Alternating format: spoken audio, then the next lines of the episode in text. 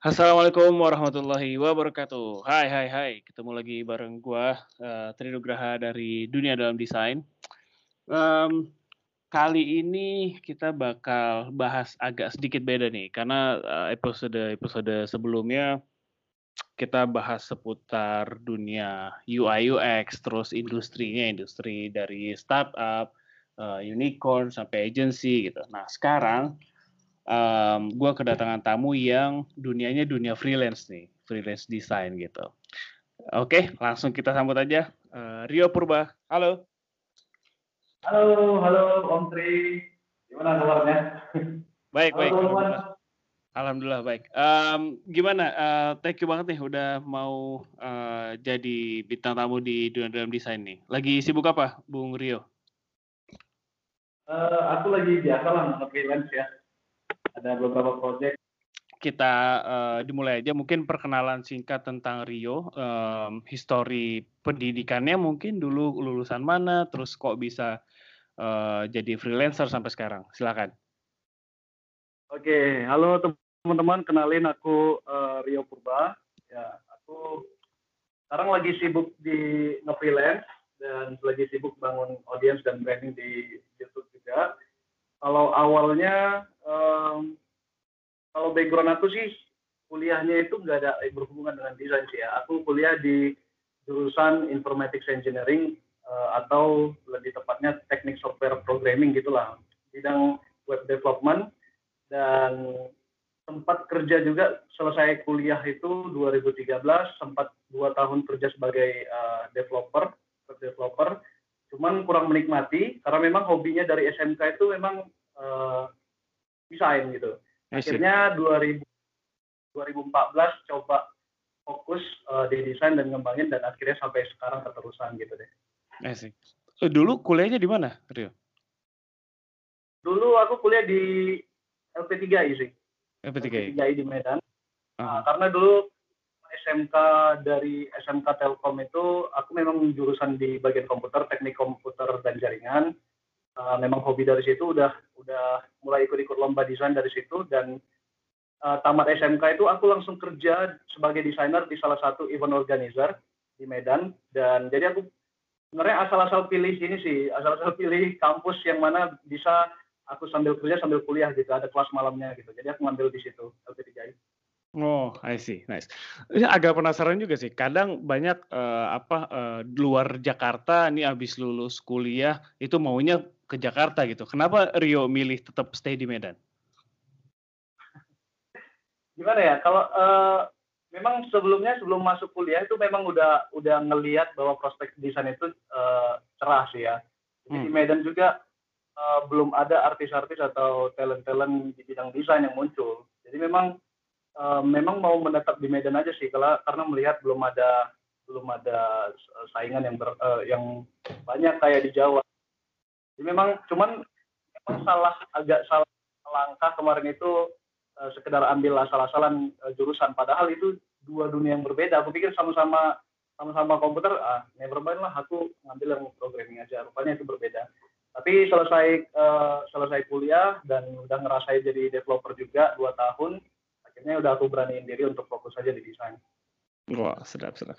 Terus um, masuk ke desain karir ini. Awalnya mulai dari mana sih? Apakah dari uh, graphic designer atau web designer? Ya, itu dari dari graphic designer sih.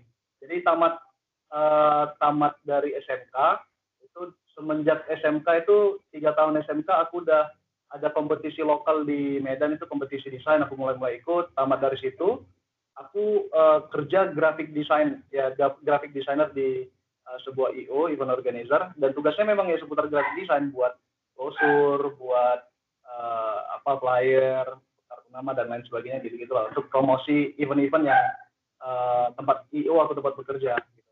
Jadi basicnya graphic design basicnya. Hmm, terus berapa lama tuh di di tempat yang itu? Uh, sekitar dua tahun. Oke, okay. dua tahun, dua, ta di... dua tahun terus abis itu baru uh, mutusin untuk freelance. Iya, jadi dua tahun itu kan aku sambil kuliah juga tuh. Iya. Sama SMK aku kerja sebagai graphic designer.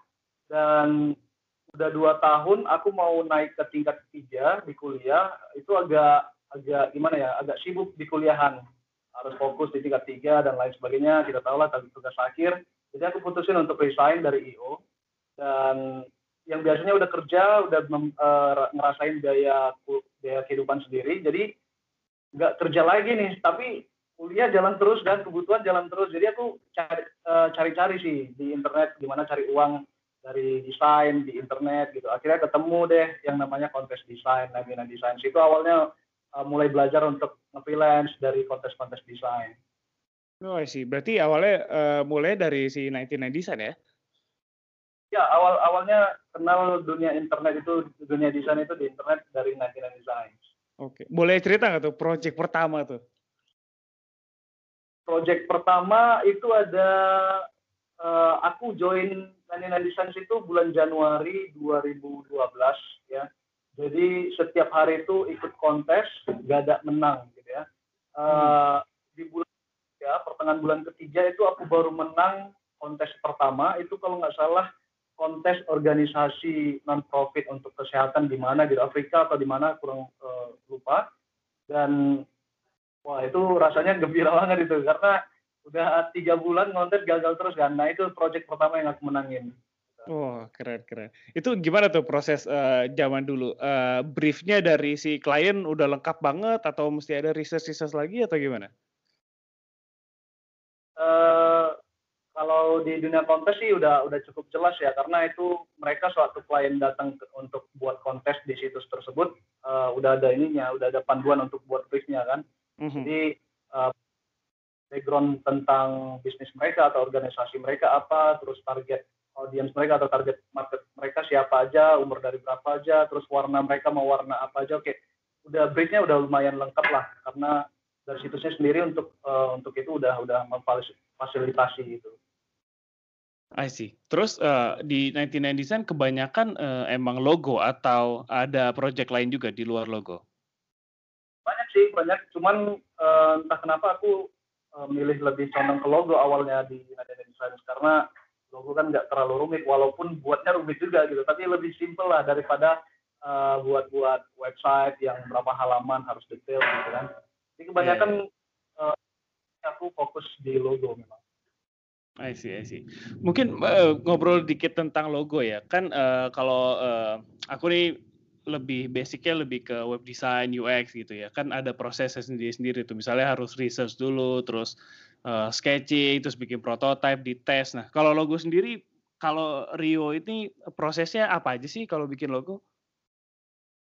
Uh, proses aku sih yang pertama itu uh, paling yang paling lama itu brainstormingnya sih brainstorming karena logo ini kan uh, dia simple tapi mewakili sebuah bisnis yang yang bisa bisa besar, ada juga bisnis kecil, dan banyak aspek yang harus diwakili oleh sebuah logo yang simple.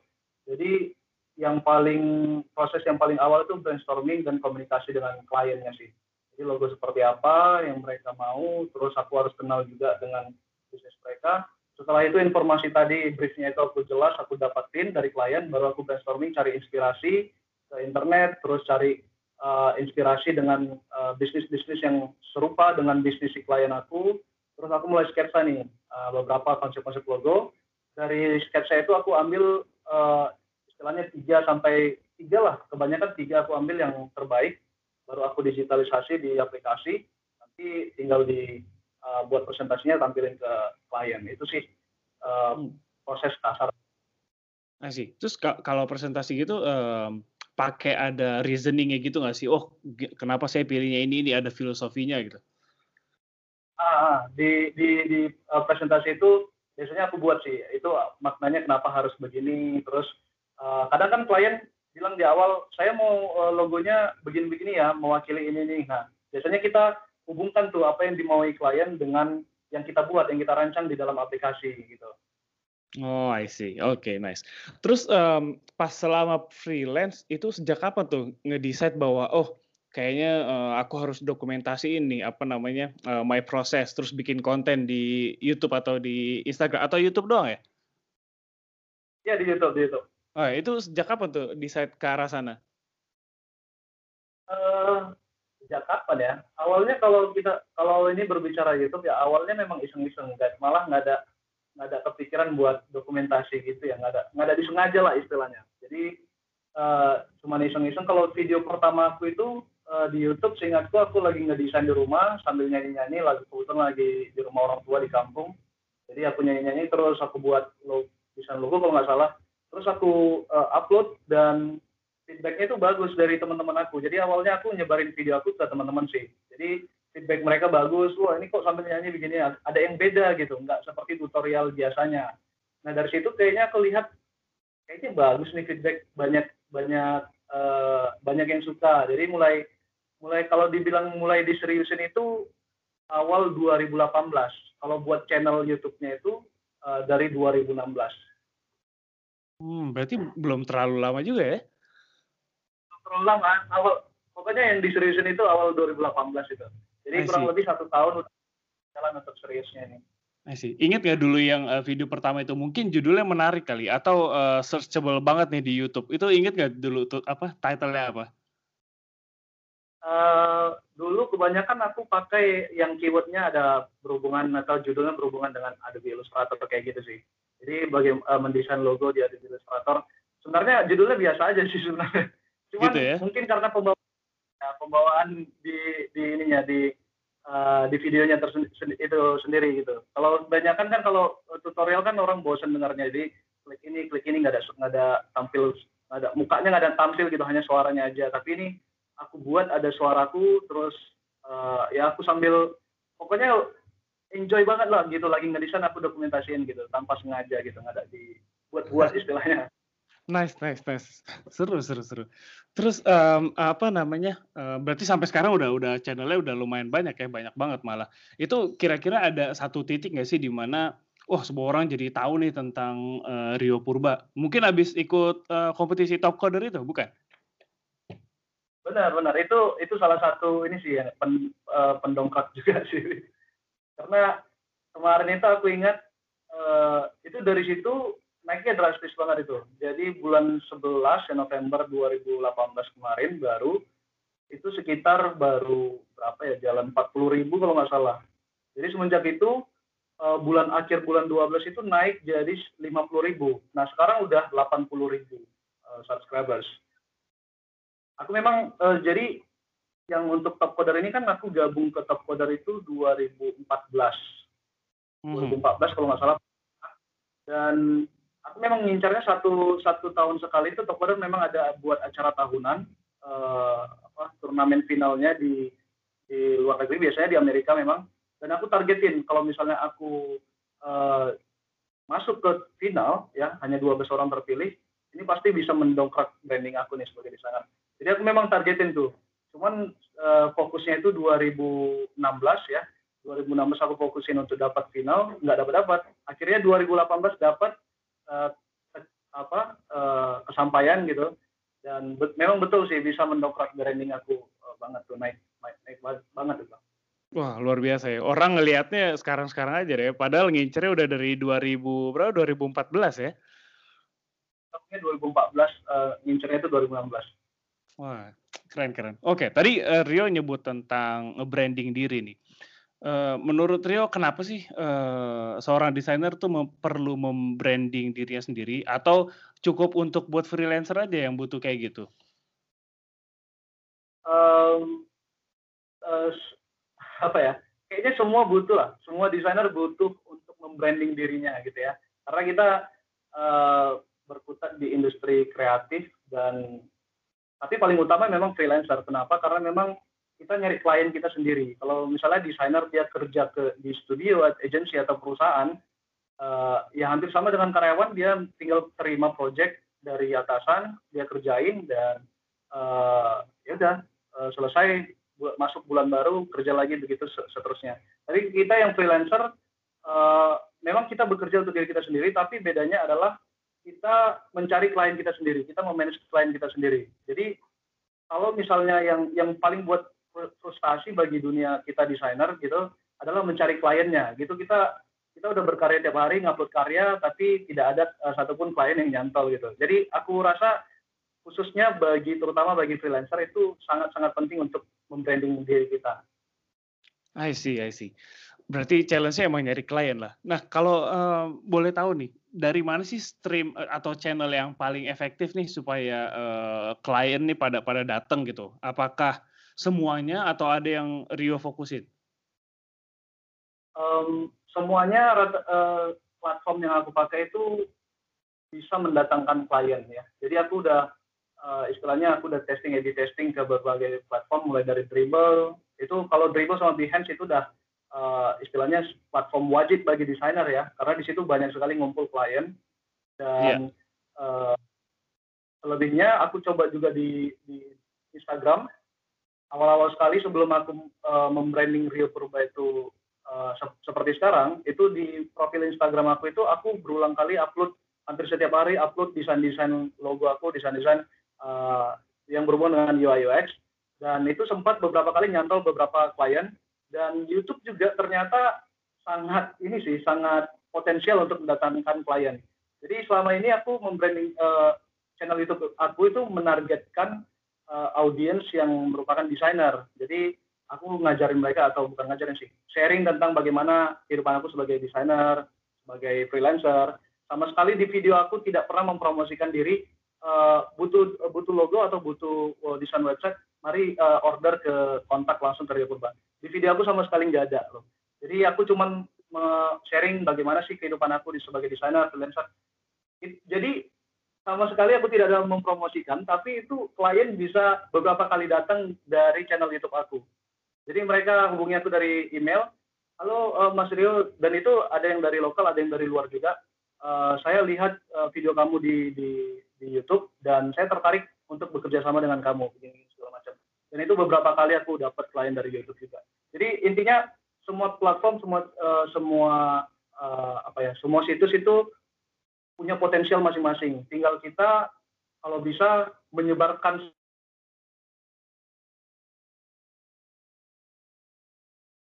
semakin banyak uh, platform yang kita gunakan untuk menyebarkan portofolio dan brand kita, semakin besar kesempatan kita untuk mendapatkan klien. Oke, okay. nice tips yang bagus banget nih. Oke, okay anggaplah misalnya kita udah bikin uh, apa namanya konten, terus orang udah pada tahu kita nih, terus klien ceritanya datang, banyak nih yang nanya, gimana sih cara kita itu uh, nentuin harganya kita? Oke, harga ya.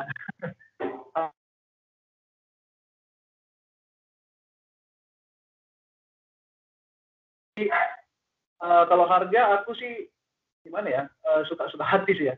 Jadi uh. aku lihat kliennya kalau misalnya klien uh, biasa di awal aku tanya ini bisnis mbak apa bisnis bapak apa gitu misalnya dia bilang saya punya bisnis UMKM baru atau ini baru saya mau bangun. Atau dia bilang saya punya perusahaan uh, di lokasinya ini dan punya karyawan sekian katanya.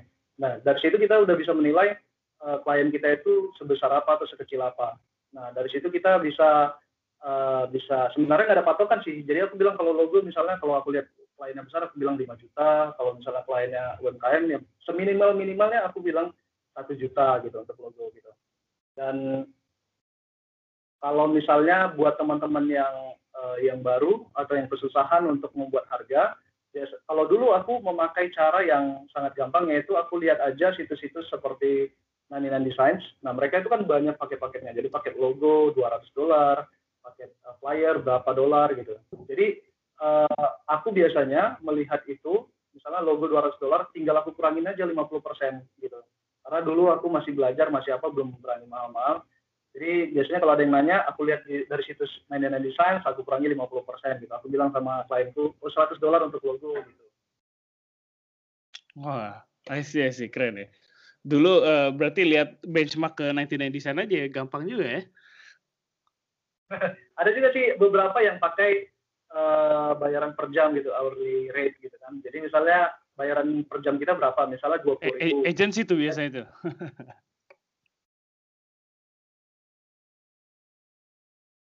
Halo gimana?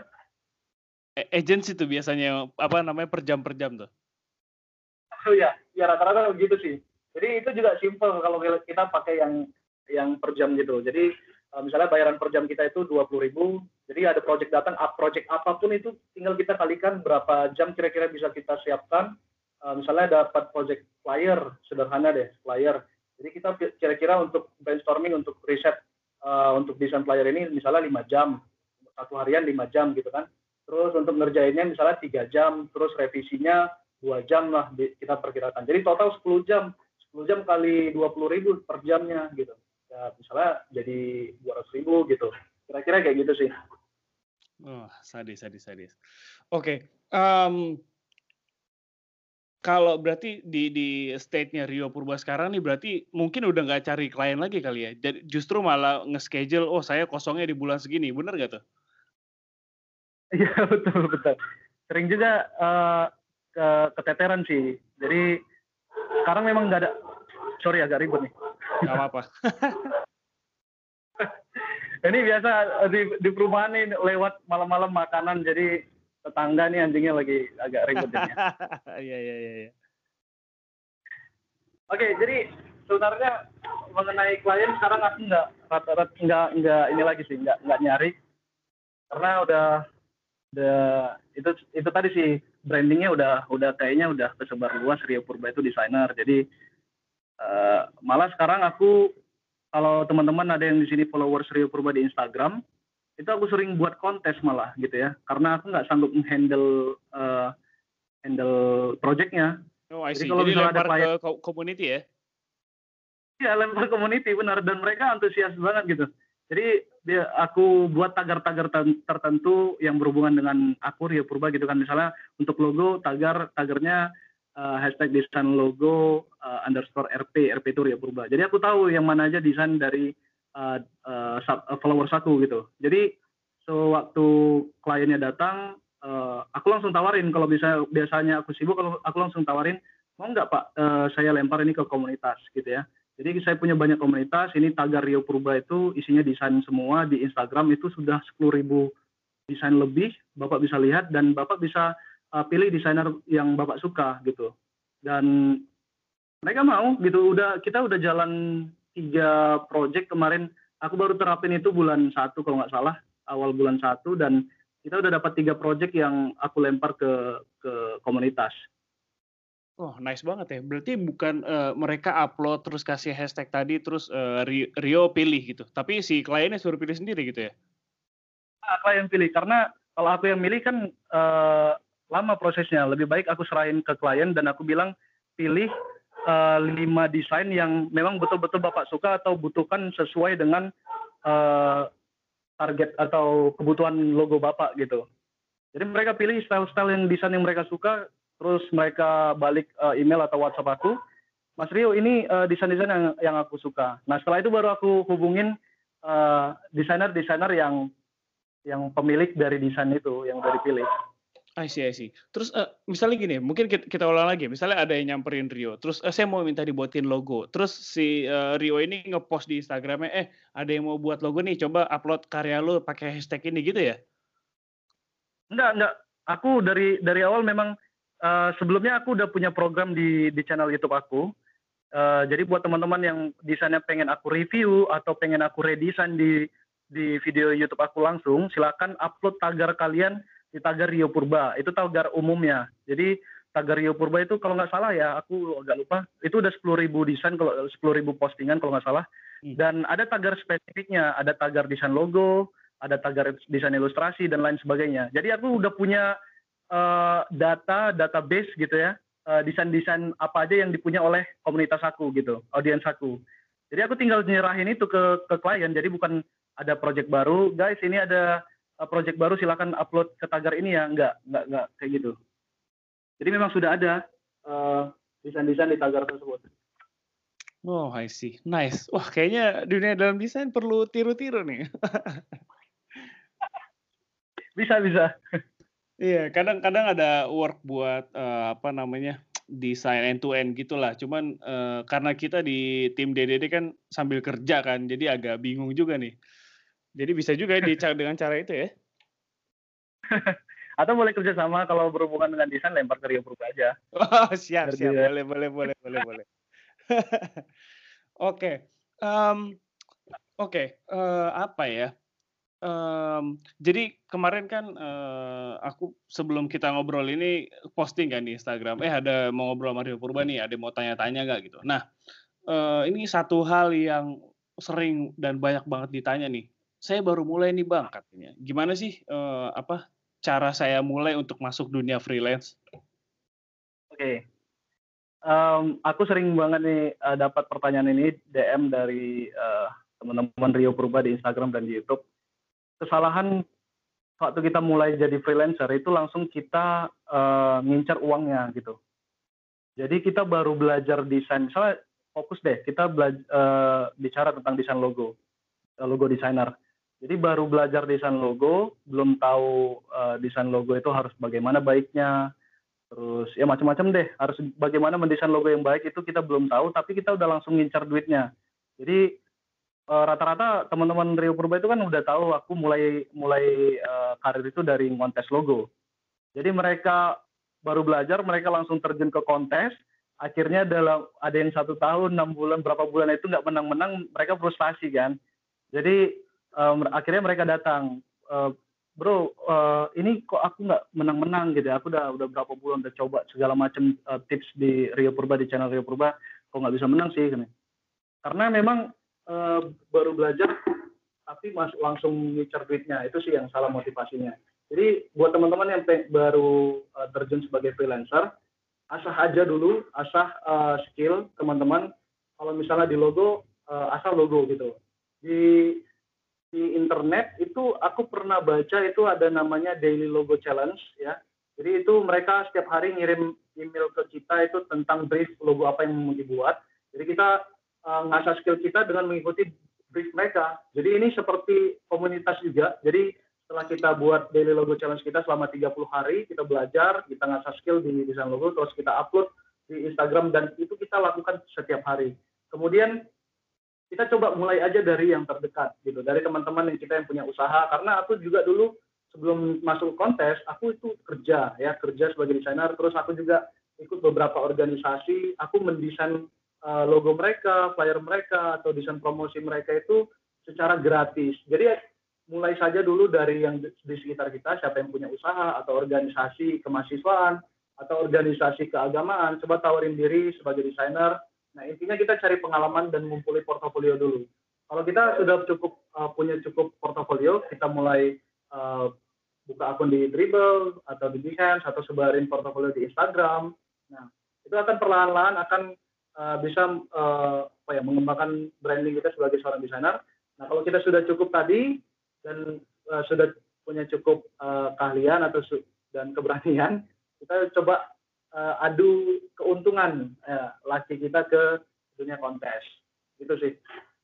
Hmm, I see. Um, tadi berarti itu lebih ke ini ya exercise ya. Tapi kalau misalnya buat uh, apa namanya, cari teorinya nih, ada nggak sih seorang, uh, Rio Purba ini kan dulu kan berangkat dari, uh, IT gitu ya, nah dulu belajarnya dari mana nih?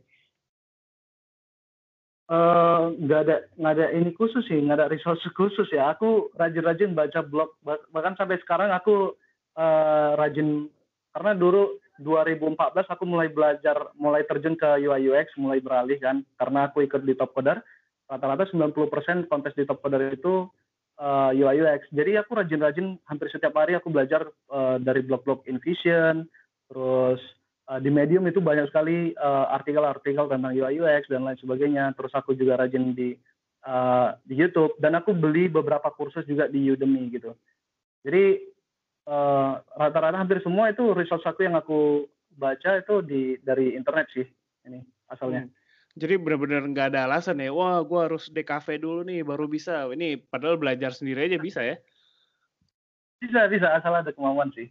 Iya benar-benar. Karena emang apa namanya beberapa tim dari DDD juga itu basicnya bukan desainer gitu. Jadi ya sebenarnya nggak ada alasan ya.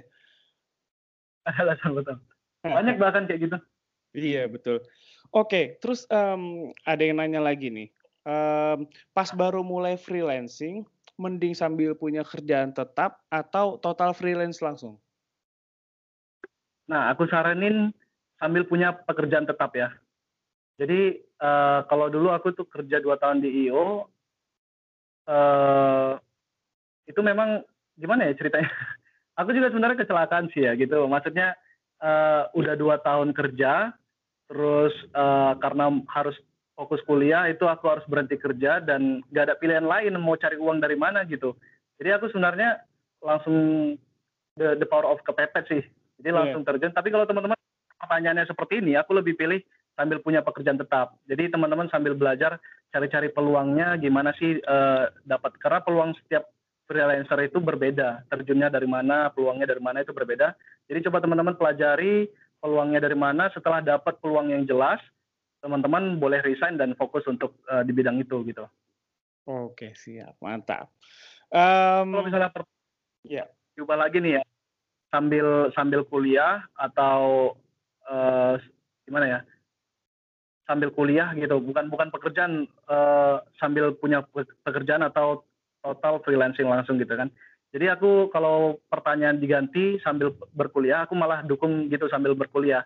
Karena istilahnya kalau kita sambil berkuliah itu belum ada uh, beban sosial untuk kerja gitu jadi istilahnya kita menikmati proses freelancing itu tadi Benar-benar, karena kalau angkatan kita dulu udah kebuang waktu buat kuliah ya, dan kuliahnya juga nggak nyambung lagi. Belajarnya baru habis kuliah gitu ya. Benar-benar. Jadi harusnya teman-teman yang uh, apa namanya lebih awal start early lebih bagus ya. Start early lebih bagus gitu. Sedap, sedap. Oke, um, ada yang nanya lagi nih. Cara ah. menghadapi harga teman dengan baik dan benar. Hadis memang. harga teman uh, apa ya itu ter, kembali ke teman-teman sebagai desainernya apakah mau nerima atau tidak tapi kalau misalnya dari kasus aku gitu ya aku biasa melihat teman-teman teman-teman aku itu teman seperti apa jadi memang ada memang pernah beberapa kali teman yang memang sahabat aku. Jadi aku butuh dia dia ada dia butuh aku aku ada gitu kan. Jadi memang betul-betul teman baik sahabat. Dan itu aku malah kasih gratis desainnya. Nggak bukan bukan harga temen yang murah gitu ya. Jadi daripada aku dibayar murahan aku kasih dia gratis desainnya. Dan itu jadi priceless sama dia gitu ya kan. Tapi kalau misalnya teman-teman yang uh, temen maunya aja baru dibilang teman gitu ya itu kembali itu kembali ke ke kalian lah ke teman-teman lah gimana apakah mau ngambil tapi biasanya aku tetap mau teman seperti apa asalkan bukan sahabat baik gitu ya itu biasanya aku tetap kasih harga normal sih. Hmm, Jadi berapa yang aku bilang sama dia gitu.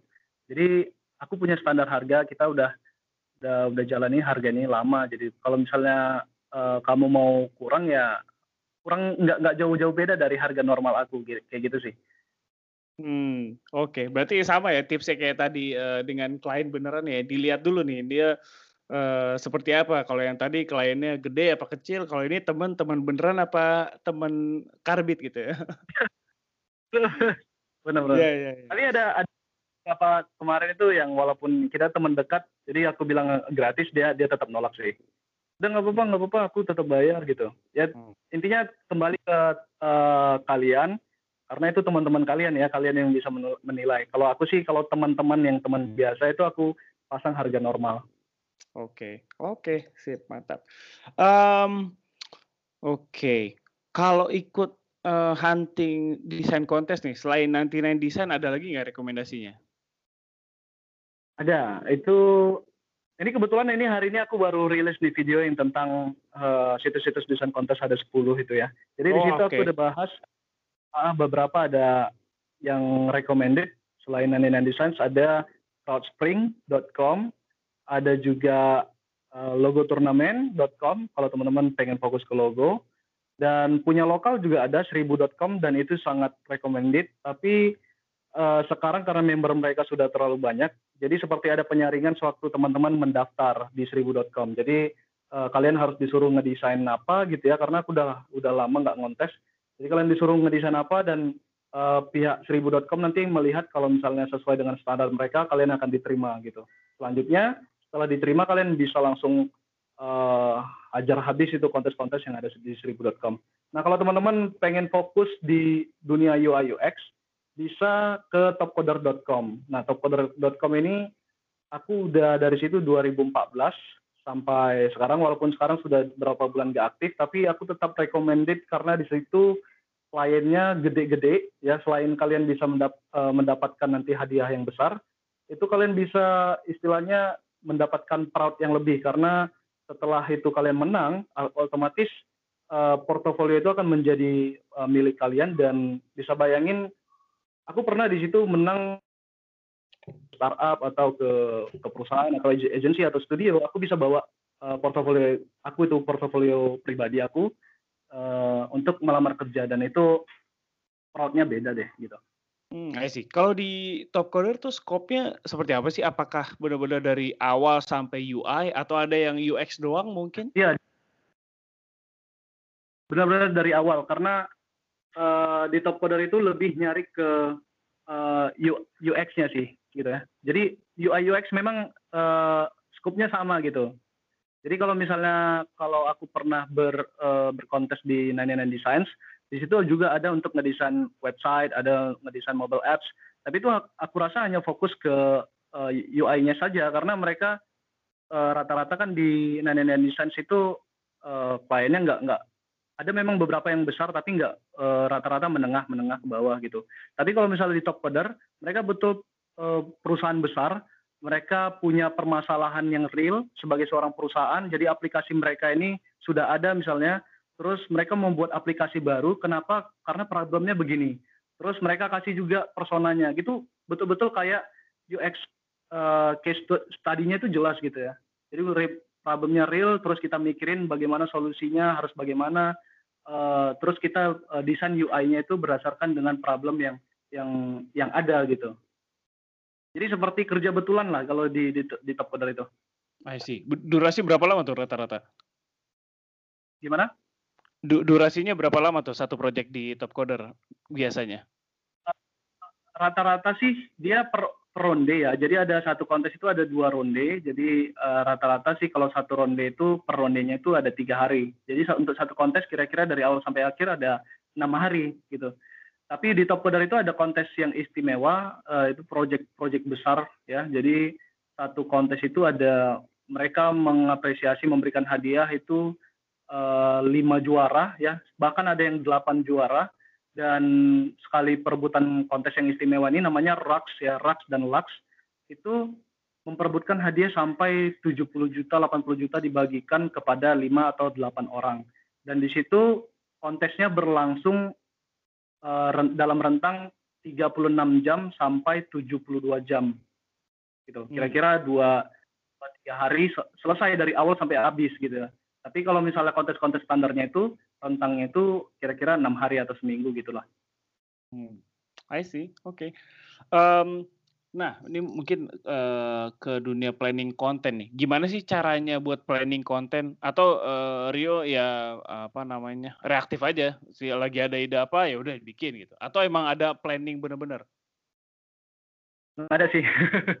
Nggak ada planning bener-bener sih. Jadi jadi biasanya aku tanya ke audiens aku kira-kira uh, jadi kira-kira pertanyaan apa gitu yang mereka yang mereka bingungkan dan beberapa juga aku kumpulin dari DM DM mereka yang uh, pertanyaan pertanyaan mereka yang kira-kira kayaknya menarik nih dibawa ke video. Jadi itu aku catatin sih, catatin dan walaupun aku catatin tidak ada planning yang benar-benar planning gitu. Jadi minggu ini topiknya ini, minggu depan topiknya ini nggak ada. Jadi semua topik memang aku catatin tapi tidak ada planning yang yang yang pasti gitu.